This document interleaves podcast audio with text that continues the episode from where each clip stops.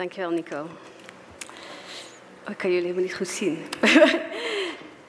Bedankt. Voor mij is het heel bijzonder eigenlijk om hier te zijn. Want Nico en ik zaten vroeger samen op de zonderschool. Ik denk zelfs op de crash. Dus zo lang ken ik Nico al.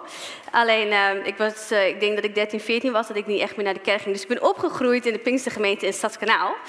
En uh, op mijn 21ste ben ik naar Zwolle verhuisd. En nu woon ik in Ermelo. En ik ben 37 jaar. Ik ben getrouwd met Wouter en wij hebben twee dochters.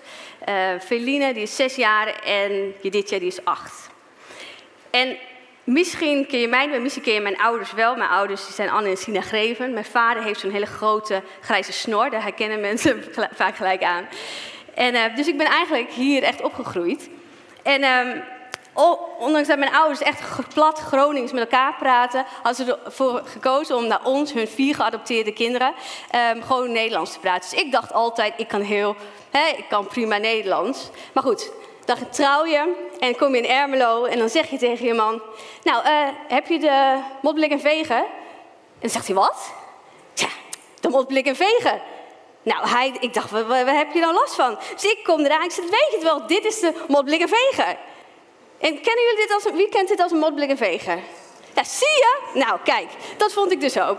Dus, en hij zegt, nee joh, ik zei, dat zeggen we hier echt niet, het zal echt iets Gronings zijn. En toen kwam ik er eigenlijk dus achter dat ik veel meer Groningse woorden heb dan ik dacht. Maar voor mij is het super relaxed hier, want als ik dat heb, is het voor jullie geen probleem.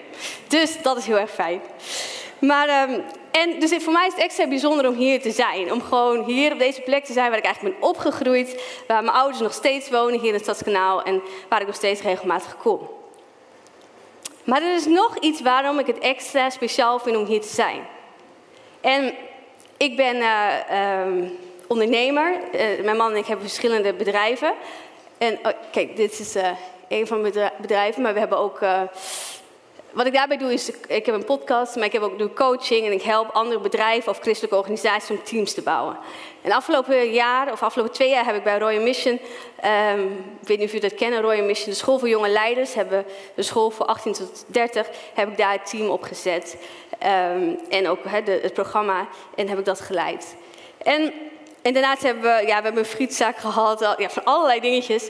Maar in ieder geval, nu ben ik hier. En, uh, maar weet je wat het bijzondere was? Dat, waarom ik er extra naar uitzag? Ik was eergisteren op leidersdag voor voorgangers en ondernemers van Royal Mission. En dat was vanuit het hele land. 200 leiders waren daar. En vanaf het podium werd verteld: mensen, er is iets bijzonders gaande in het noorden. Er is een kerk in Mussel waar er, een soort opwekking gaande is. Komen er hier mensen uit Mussel? Kijk, hier, mensen uit Mussel. En ze zeiden, in die omgeving is er iets aan het gebeuren en Gods geest is wat aan het doen. Het lijkt wel een opwekking. Toen dacht ik, wauw, daar ga ik naartoe.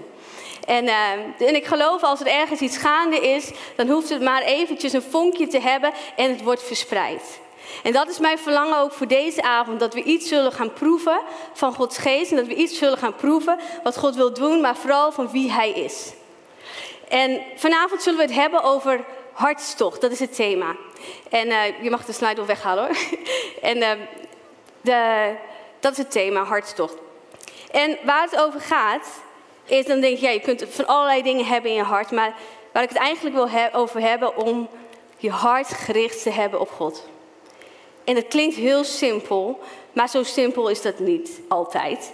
En, um, en daarin ga ik jullie vanavond meenemen. Ik ga iets vertellen over Paulus, maar ik ga ook iets vertellen uit mijn eigen leven. En als ik eerlijk ben, dat is voor mij ook weer even uit mijn comfortzone stappen, omdat ik hier uit deze omgeving kom en hier niet altijd ook de leuke dingen heb meegemaakt in mijn jeugd door keuzes die ik heb gemaakt of dingen die zijn gebeurd. Maar toch kies ik ervoor om daar wel jullie in mee te nemen deze avond. Maar ik begin bij Paulus. En waar ik mee wil beginnen is Handelingen 16, vers 16. En ik zal een beetje context geven. Dit was eigenlijk het moment dat Paulus, um, eigenlijk vlak daarvoor. Nou ja, Paulus kennen we natuurlijk allemaal wel, maar Paulus dat was wel iemand die wel echt heftige dingen mee had gemaakt en gedaan eigenlijk ook. Als je nu zou kijken, zou hij eigenlijk een beetje, ja, de Hitler van toen zijn. Ja, dat klinkt heel heftig, maar wat hij deed was Joden vervolgen. hij, hij vermoordde ze, dat is natuurlijk super heftig. Maar dat, veranderde, jullie kennen het verhaal waarschijnlijk wel. Hij leerde Jezus kennen, Jezus kwam naar hem toe. En toen in één keer werd hij zendeling. Nou, dat is nog eens een carrière switch, hè? In één keer totaal iets anders. Maar dat betekent natuurlijk niet dat iedereen hem gelijk maar zo geweldig vond. Want ja, hè, ook de discipelen, ik bedoel, dat is iemand die zulke heftige dingen deed. Maar er was wel een man, Barnabas, en die, ehm, die zag wat in hem. En die nam hem mee op sleeptouw en die ging met hem ehm, die nam me mee op zinningsreis. En uh, er staat hè, dat, dat ehm, Barnabas en Paulus die hier dan staan. Op een gegeven moment draait het om, wordt het Paulus en Barnabas. Dus, en dat maakte Barnabas helemaal niet uit. Op een gegeven moment ging Paulus voorop, maar er gebeurde wel iets. Op een gegeven moment kregen ze ruzie. En denk je, dat doen ze vast niet in die tijd, al die geestelijke lui, al die geestelijke mensen. Maar ja, ze hadden ruzie. Want ze zouden op zendingsreis gaan en Barnabas wil iemand mee hebben, die wil Marcus mee hebben, maar Paulus die zei nee. Hij is al een keer eerder mee geweest en hij is toen afgehaakt halverwege de reis. En uh, ik ga, uh, nee, dat, uh, dat gaan we niet doen. En Barnabas die vond dat Paulus hè, wat te hardnekkig was en wat hij deed. En Paulus van Barnabas wat te soft. Dus dan ga je op reis, op zendingsreis. En dan krijg je ruzie met elkaar. Zelfs zo erg dat de wegen gaan scheiden. Dat ze, en dat, dat Barnabas ergens anders heen. En Paulus gaat alleen op reis met Silas. En onderweg komt hij Timotheus tegen. En onderweg komt hij Lucas waarschijnlijk tegen. En dus daar zitten we. Dit is net gebeurd. Dan is net Timotheus aangehaakt, net Lucas aangehaakt. En dan komen ze in Filippi. En daar ga ik uit lezen. En dit gaat over het moment. Nee, ik ga het gewoon voorlezen, dus dan kun je meelezen. Een keer, toen we, op, toen we weer op weg waren naar de gebedsplaats, kwam kwamen we een jonge slavin tegen die bezeten was door een geest en zo de toekomst kon voorspellen. Met haar waarzeggerij verdiende ze veel geld voor haar eigenaars. Terwijl ze achter Paulus en ons aanliep, schreeuwde ze aan één stuk door: Deze mensen zijn de dienaren van de Allerhoogste God. Op zich niks aan gelogen natuurlijk. Dat riep ze. En deze mensen verkondigen hoe je gered kunt worden. Dat ging verscheidene dagen zo door. In een andere vertaling staat, vele dagen lang liep ze achter hun aan. Toen Paulus er genoeg van kreeg, in een andere vertaling staat ook dat Paulus eronder gebukt ging en dat hij zich aan ergerde. Toen Paulus er genoeg van kreeg, sprak hij de geest toe als volgt. Ik beveel je in de naam van Jezus Christus, verlaat haar. Op datzelfde moment ging de geest uit haar weg. En toen de eigenaars merkten dat ze hun bron van inkomsten kwijt waren, grepen ze Paulus en Silas en ze vast en ze sleurden hen naar het marktplein, waar ze hen voorleidden aan de stadsbestuurders. Ze zeiden: Deze mensen brengen onze stad in rep en roer. Het zijn Joden. Die een levenswijze verkondigen, het zijn Joden die een levenswijze verkondigen waarmee wij als Romeinen niet mee mogen instemmen en die we niet in praktijk mogen brengen. Ook, de, ook verzamelde de menigte, ook de menigte, verza, menigte sorry, ook de, ook de verzamelde menigte, oh ja, dat is hem, uh, keerde zich tegen Paulus en Silas. Waarna de stadsbestuurders hun de kleren van het lijf scheurden en bevel gaven hen met stokslagen te straffen. Nadat ze een groot aantal slagen hadden gekregen, werden ze opgesloten in de gevangenis, waar de gevangenisbewaarder de opdracht kreeg hen streng te bewaken. Overeenkomstig dit bevel bracht hij hen naar binnen in de binnenste kerk en sloot hun voeten in het blok. Nou, dat lijkt me echt heftig. Dan ben je gevangen genomen en worden je voeten in een blok neergezet. Maar wat mij opvalt in dit gedeelte, ik denk dan, hoe kan het nou? Sorry, ik zit een beetje vast. Wat die vrouw zegt, dat was, hè, die, die, ze zegt, ja, dit is de, hè, um, mensen die praten over de Allerhoogste God en zeggen dat je gered kan worden, was toch helemaal niks aan gelogen?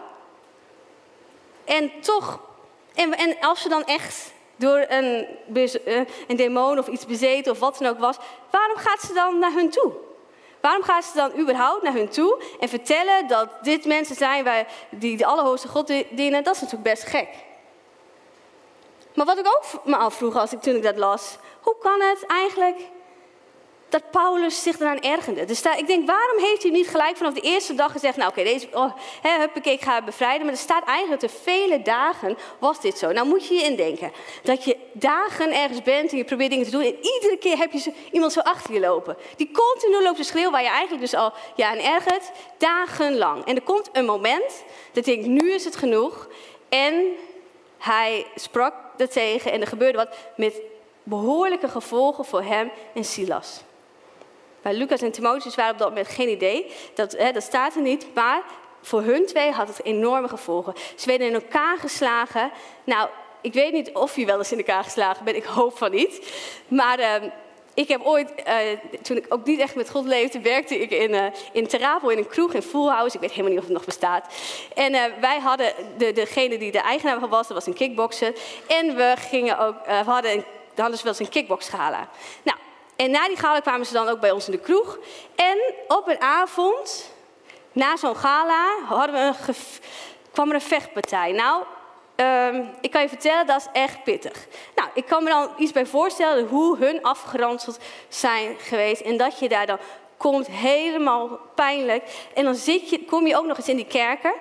En dan, he, dan word je daar, en dan moet je voeten ook nog in een blok dus ik weet niet of je, ja, misschien ben je niet in elkaar geslaan, maar stel je hebt een keer heel erg zeer gedaan en je moet dan ook nog in een bepaalde houding gaan zitten. Dat moet, denk ik, verschrikkelijk geweest zijn. Dat moet echt, ik, ik, ik heb geen idee wat hoe dat geweest moet zijn. Maar wat ik nog, nog meer afvroeg, hoe zou dit voor Silas zijn geweest? Want Silas, die heeft dat niet gezegd, maar die was er waarschijnlijk toevallig bij. Of stond hij erbij of deed hij mee. Maar hij werd ook gevangen genomen en hij werd ook geslagen en hij kwam ook in die kerken. Was hij dan misschien net op het verkeerde moment op de verkeerde plaats? Moest het zo zijn? Geen idee. Maar hij was er wel bij. En hij zat daar ook. En de consequenties waren ook voor hem. En misschien en, en ik kan me dan zo denken, als Silas daar dan zo zit, ja, dan uh, kun je ook wel bedenken van, jeetje, was ik meer niet met deze gast meegegaan. Hij had al eerder ook al ruzie gemaakt met Barnabas. En nu, want er staat natuurlijk ergens dat Paulus zich ergert. Dus kan het zijn dat Paulus' hart misschien niet zo perfect was. En, uh, en dat God je dan toch nog kan gebruiken? Kan het zijn dat hij hoe moet het voor hem geweest zijn dat die Barnabas, die eigenlijk, waar hij zo erg mee optrok, dat hij daar eigenlijk van, ja, met ruzie uit elkaar is gegaan. Gelukkig hè, zie je 14 jaar later, uh, lees je dat ze toch weer samen ergens uh, gespot worden. Dus hè, ergens is het goed gekomen, staat niet bij hoe, maar dat is het wel.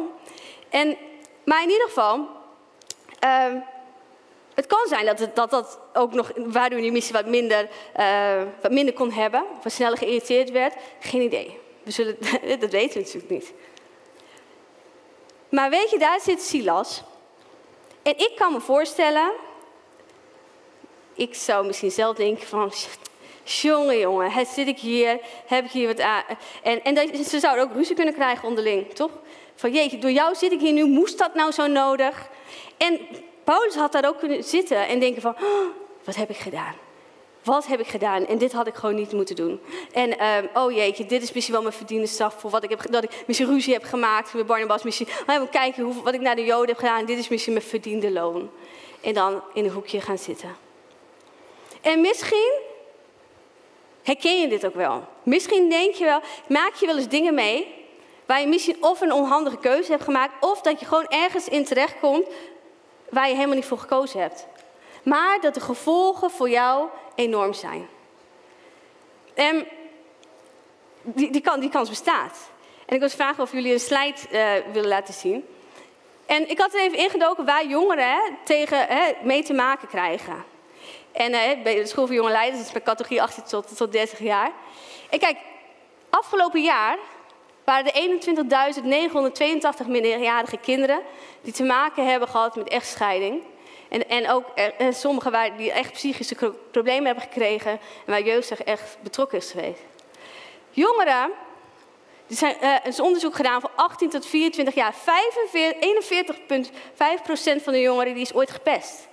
Dat is echt veel, hè? Ik vind dat echt veel. Ik vond het shocking toen ik het las. Maar dit. 50% van de meiden En 20% van de jongens hebben te maken gehad met seksueel geweld voor hun 18e. En vorig jaar was het tussen 16 en 18 was 46 procent, 18 tot 24 boven de 50 procent. En dan, heb je, en dan staat hier, hoeveel jongeren kijken porno? 40 procent van de meiden. Vroeger waren die getal heel anders, hè? maar 40% van de meiden en 60% van de jongens. En dan denk je misschien, ja jee, maar christenen, wij doen, wij, dat hebben wij niet. Nou, de EO die heeft een onderzoek gedaan als je wil weten hè, hoe je die kan vinden, kan je me altijd een mailtje sturen. Dan laat ik je zien waar je dat kan vinden. En dat onderzoek gedaan met 2000 jongeren. En um, die uh, met of ze eens porno keken. En ze kwamen erachter dat 60% daarvan dat deed. En weet je wat hun grootste reden was? Wat hun echt, uh, waardoor ze het niet eh, vertelden? Want eigenlijk de meeste vertelden het niet. Meer dan 50% vertelden het nooit. Omdat ze bang waren dat het in de kerk zou komen. 80% was, was dat, dat, ze schaamden voor zich maar 88% is als dit ooit in de kerk komt en andere christenen hier achterkomen, dat wilden ze absoluut niet. Dus soms dan maak je gewoon dingen mee waar je niet altijd voor kiest. En waar je gewoon in terecht komt. En soms maak je ook gewoon zelf onhandige keuzes. Dat kan ook. Maar um, wat je ziet, wat ik zie in de Bijbel, dat God iedere keer mensen gebruikt. Wat ze, ze zijn allemaal niet helemaal perfect. En helaas zijn wij ook allemaal helemaal niet perfect. En soms lijkt het zo dat als er mensen op het podium staan, dat hun leven allemaal helemaal perfect is. En dan kan je vertellen, dat is niet waar. Ik heb een podcast en daar ga ik, uh, interview ik christelijke leiders. En dan hoor, wil ik de echte verhalen horen. En dan hoor je ook het even achter de schermen, hoe het ook is. En um, omdat ik denk dat het belangrijk is dat we dat ook tonen. En daarom wil ik jullie ook. Um, en ik denk dat op het moment dat we dat niet doen, en op het moment dat we dingen in ons leven spelen of in ons hart, dan kan het zijn dat het ruis geeft. Dan kan het zijn dat er iets in je hart komt waardoor het veel moeilijker is om, het, uh, om met God in contact te komen. En als er dingen zijn die we eigenlijk een soort van willen verstoppen, of waar we niet over willen praten, of wat we lastig vinden, dan kan het zijn dat het zich ontpopt in je leven tot iets veel groter. En misschien begint het bij iets kleins waar je voor schaamt. Dat is een beertje, hè? Een beer op de weg, hè? Dat is uh, even als symbooltje. En begint het bij iets kleins waar je voor schaamt. En daar heb je wel last van en uh, je schaamt je ervoor, maar je doet er niks mee. En op het moment dat je er niks mee doet, dan gaat het vaak, wordt het iets groter. En dan gaat het over naar de zelfveroordeling. Van jeetje, had ik dat niet anders kunnen doen? En uh, jee, uh, hè, wat, stom van je, had je niet, uh, niet dat beter kunnen aanpakken? En op het moment dat dat gebeurt, dan kan het nog een stapje verder gaan. Dat je, ik zal hem even erbij pakken, dat die beer steeds groter wordt.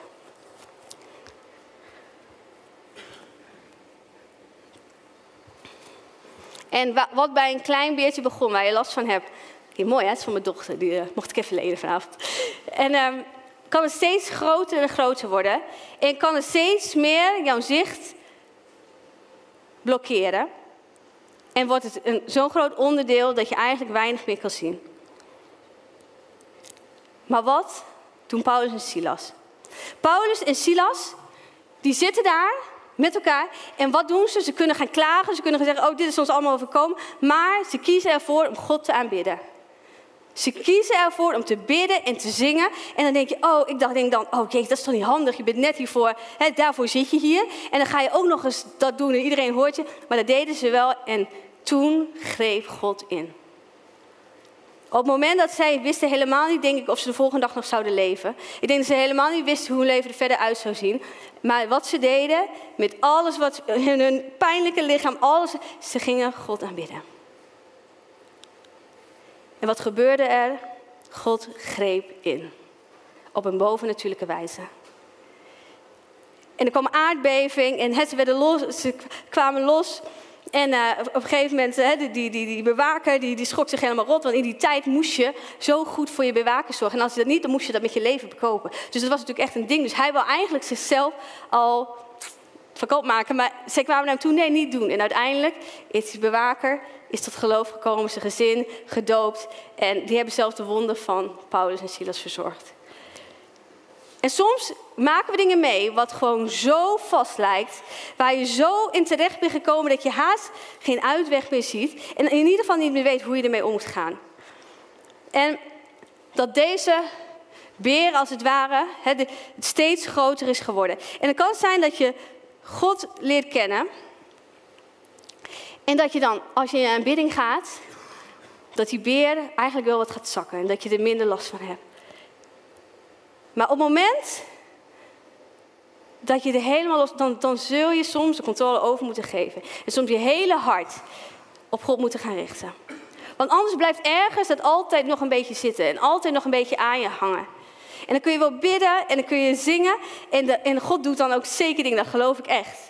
Maar het kan er zijn dat een onderdeeltje wat continu weer terugkomt, wat eigenlijk bij je aan kleven. En dan zul je toch echt je beide handen in de lucht moeten doen om het echt van je af te krijgen. En dat betekent niet dat het er dan niet meer is, maar het zit dan niet meer aan je vast.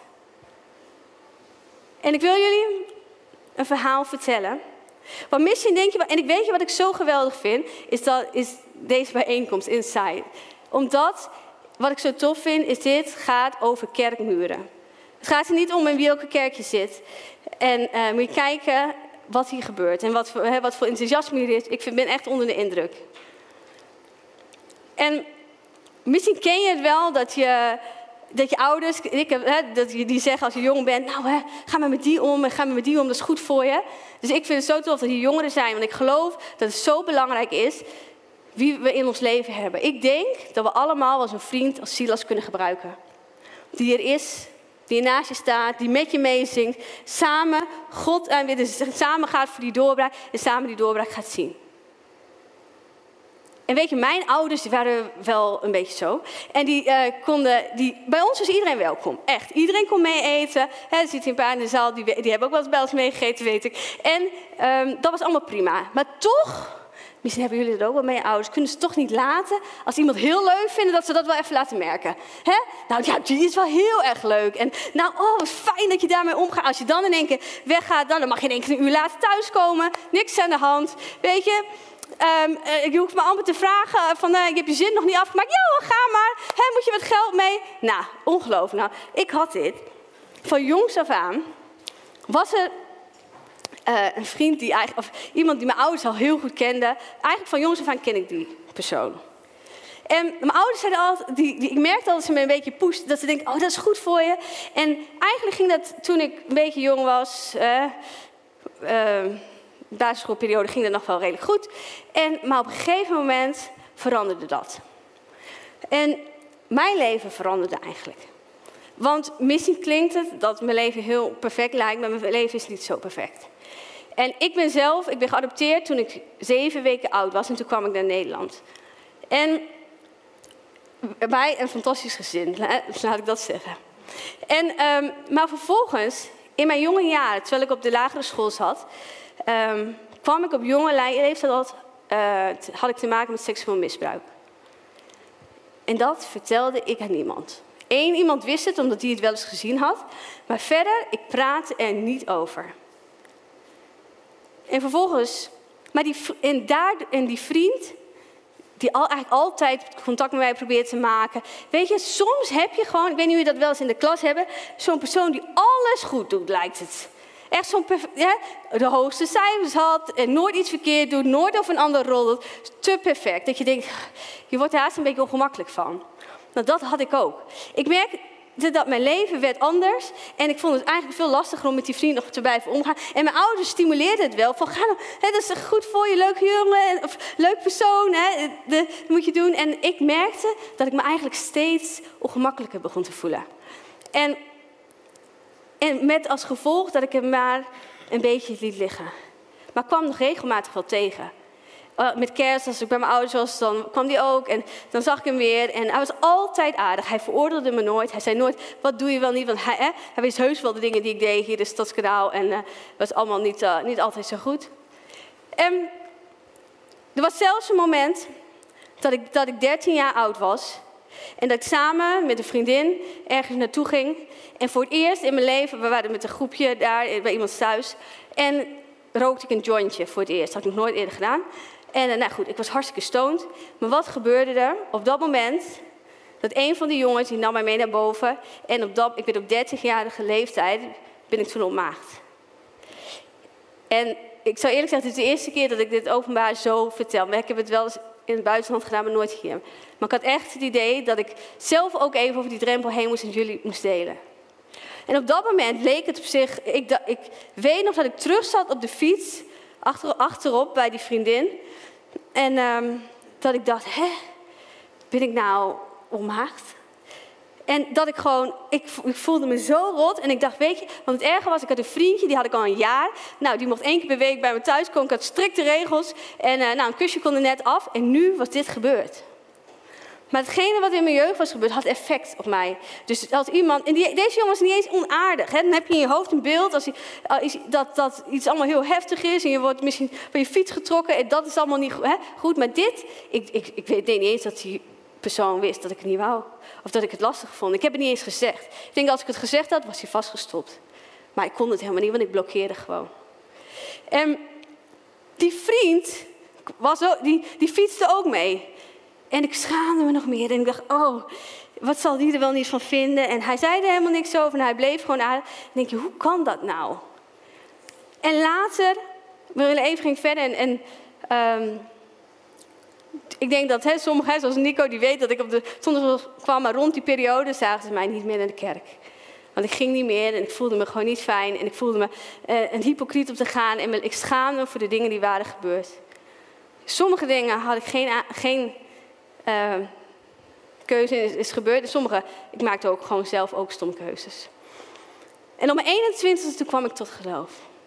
En toen, en ik kan het verhaal niet vertellen, want dat is te lang, maar toen kwam ik tot geloof en dat veranderde mijn hele leven. En weet je, toen durfde ik die vriend wel weer in de ogen te kijken. Toen merkte ik, oh, wat is toch een bijzondere vriendschap. En toen zijn we zo close geworden, werd mijn beste vriend. En um, en maakte ik bijzondere dingen mee. En, ook, en het was niet zo dat mijn leven gelijk op orde was op mijn 21ste. En het duurde, hè, ik denk dat het 27 was. En ik had inmiddels een bijbelschool gedaan. Ik had in de zending gezeten. Ik had verschillende dingen gedaan. Toen pas leerde ik mijn man kennen. En toen pas ging ik om 28ste trouwen. En weet je, die vriend, op het moment dat ik dingen met hem deelde, ging hij gewoon soms mensen inzetten die op mijn pad kwamen om me te helpen in dingen. En hij, hij, hij deed voor alles voor me. En um, en dat was echt ja, onbeschrijfelijk. En ik dacht, oh, ik dacht dus dat die vriend altijd een beetje saai was. En ik schaamde me altijd een beetje. En ik dacht, oh, jij bent een beetje te goed. En ik, ik, dat durf ik niet. En die vriend, dat is echt een vriendschap voor het leven. En weet je, die vriend, die heb ik ook meegenomen vandaag. En hij, ik ben hier naartoe gereden en hij ging mee in de auto. Ik zei, weet je, ik ga naar Inside toe. En er zijn jongeren. En hij zei, oh, wat gaaf, kan ik mee? En ik wil ook graag hun vriend zijn. En die vriend, die is Jezus. En Jezus wilde altijd al contact met mij.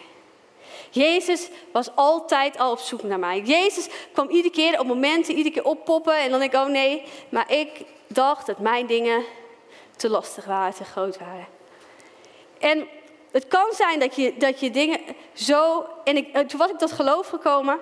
En vervolgens uh, maar er gebeurden dingen, mooie dingen. Ik, deed, ik, ging bijbelschool doen, maar voor die tijd weet ik nog dat ik in een samenkomst zat in Zwolle. En er was een kleine samenkomst. En er was een man en die profiteerde uh, over mensen. Super raak. Echt gewoon profetieën die nou, zo raak waren. En de een naar de ander. Hij pikte die mensen eruit. Dit en dat is gebeurd. En het was heel bijzonder. En in één keer zegt hij... Er is hier ook iemand, die is op jonge leeftijd seksueel misbruikt. En ik keek zo. Nou, ik dacht, wat gek. Niemand reageert. En uh, nou, het was stil. En hij noemde het nog drie keer. En ik dacht, nou, wat raar. Maar ik dacht, ja, weet je, misschien zit hij er gewoon naast. Dat kan natuurlijk ook, hè. Je kunt ook wel eens profiteren en dan zit je ernaast. Waarschijnlijk zit hij ernaast. En um, ik ging naar huis. Of nee, ik woonde in Zwolle, maar ik ging toevallig het weekend naar mijn ouders. En s'avonds ging ik bidden. En ik bad gewoon en in één keer zei de Heilige Geest, het ging over jou. En het kwam in als een bom. En dan ging het over mij. En toen merkte ik dat ik het zo heb weggestopt, die dingen. En dat ik dacht, nou, het valt wel mee, het is toch niet zo gebeurd. En, hè? en dat God wilde daar toch iets mee doen. En uiteindelijk ehm, was het niet voor niks. Want diezelfde week was die persoon die ervan wist en het wel eens gezien had, die ging trouwen en die had het dus verteld aan zijn voorganger. Die zei, ja, dit en dit is ooit gebeurd en Larissa wil niet dat ik erover praat, maar kan niet met dit geheime huwelijk in. En diezelfde week dat God dit sprak, kwam het in één keer, hè, werd ik gebeld en hoorde ik in één keer dat dit openbaar kwam. En die avond dat God had gesproken van dit ging over jou, ben ik naar mijn ouders gegaan, heb ik het hun verteld, want ik had het uh, niet durven vertellen. En diezelfde week kwam het open. En dan denk je, waarom is dit nou nodig? Maar het was wel nodig. En diegene heb ik daarna ook gesproken. En er is, en die heeft ook, en er is ook vergeving gekomen. En het is een bijzonder verhaal. Maar het is niet altijd natuurlijk dat het zo bijzonder afloopt. Maar weet je, God wilde dingen doen in mijn leven en die zou ik niet durven doen. Ik denk dat ik niet durfde te trouwen met iemand, want ik wilde echt gaan voor God. Maar ik dacht, wie zal dan met mij willen trouwen met de dingen die ik heb gedaan? En nu, vandaag de dag, help ik meiden die daarmee te maken hebben. Of ik heb een vrouwenopvang gekozen in Sri Lanka voor vrouwen die misbruikt en mishandeld zijn. En datgene wat eerder mijn grote struggle was, is nu mijn kracht geworden omdat ik er doorheen ben gegaan. En dit is denk ik een belangrijk iets. En ik wil vragen of de band naar voren komt. Ik denk dat het belangrijk is op het moment dat we ons hart op God willen richten, dat hij ook een inkijkje mag hebben in je hart. Want op het moment dat er ruis in je hart is, komt er ook ruis in je denken. En op het moment dat er ruis in je denken is, komt er ruis voor Gods geest. En ik geloof dat op het moment dat we gaan zingen, en op het moment dat we ons op God richten, net zoals Paulus en Silas deed, dat God doorbraken, voor doorbraken kan zorgen. En ik geloof dat God het vandaag ook wil doen. En misschien zit je hier en denk je, jeetje, het stelt niet zoveel voor wat, waar ik uh, mee zit. En uh, ja, is het wel nodig om te delen? Ik wil je vragen om gewoon tijdens het volgende nummer je hart te openen voor God. En dit seizoen in te gaan, want dit seizoen gaan jullie het hebben over aanbidding. En je hart te openen voor wat hij tot je hart wil spreken.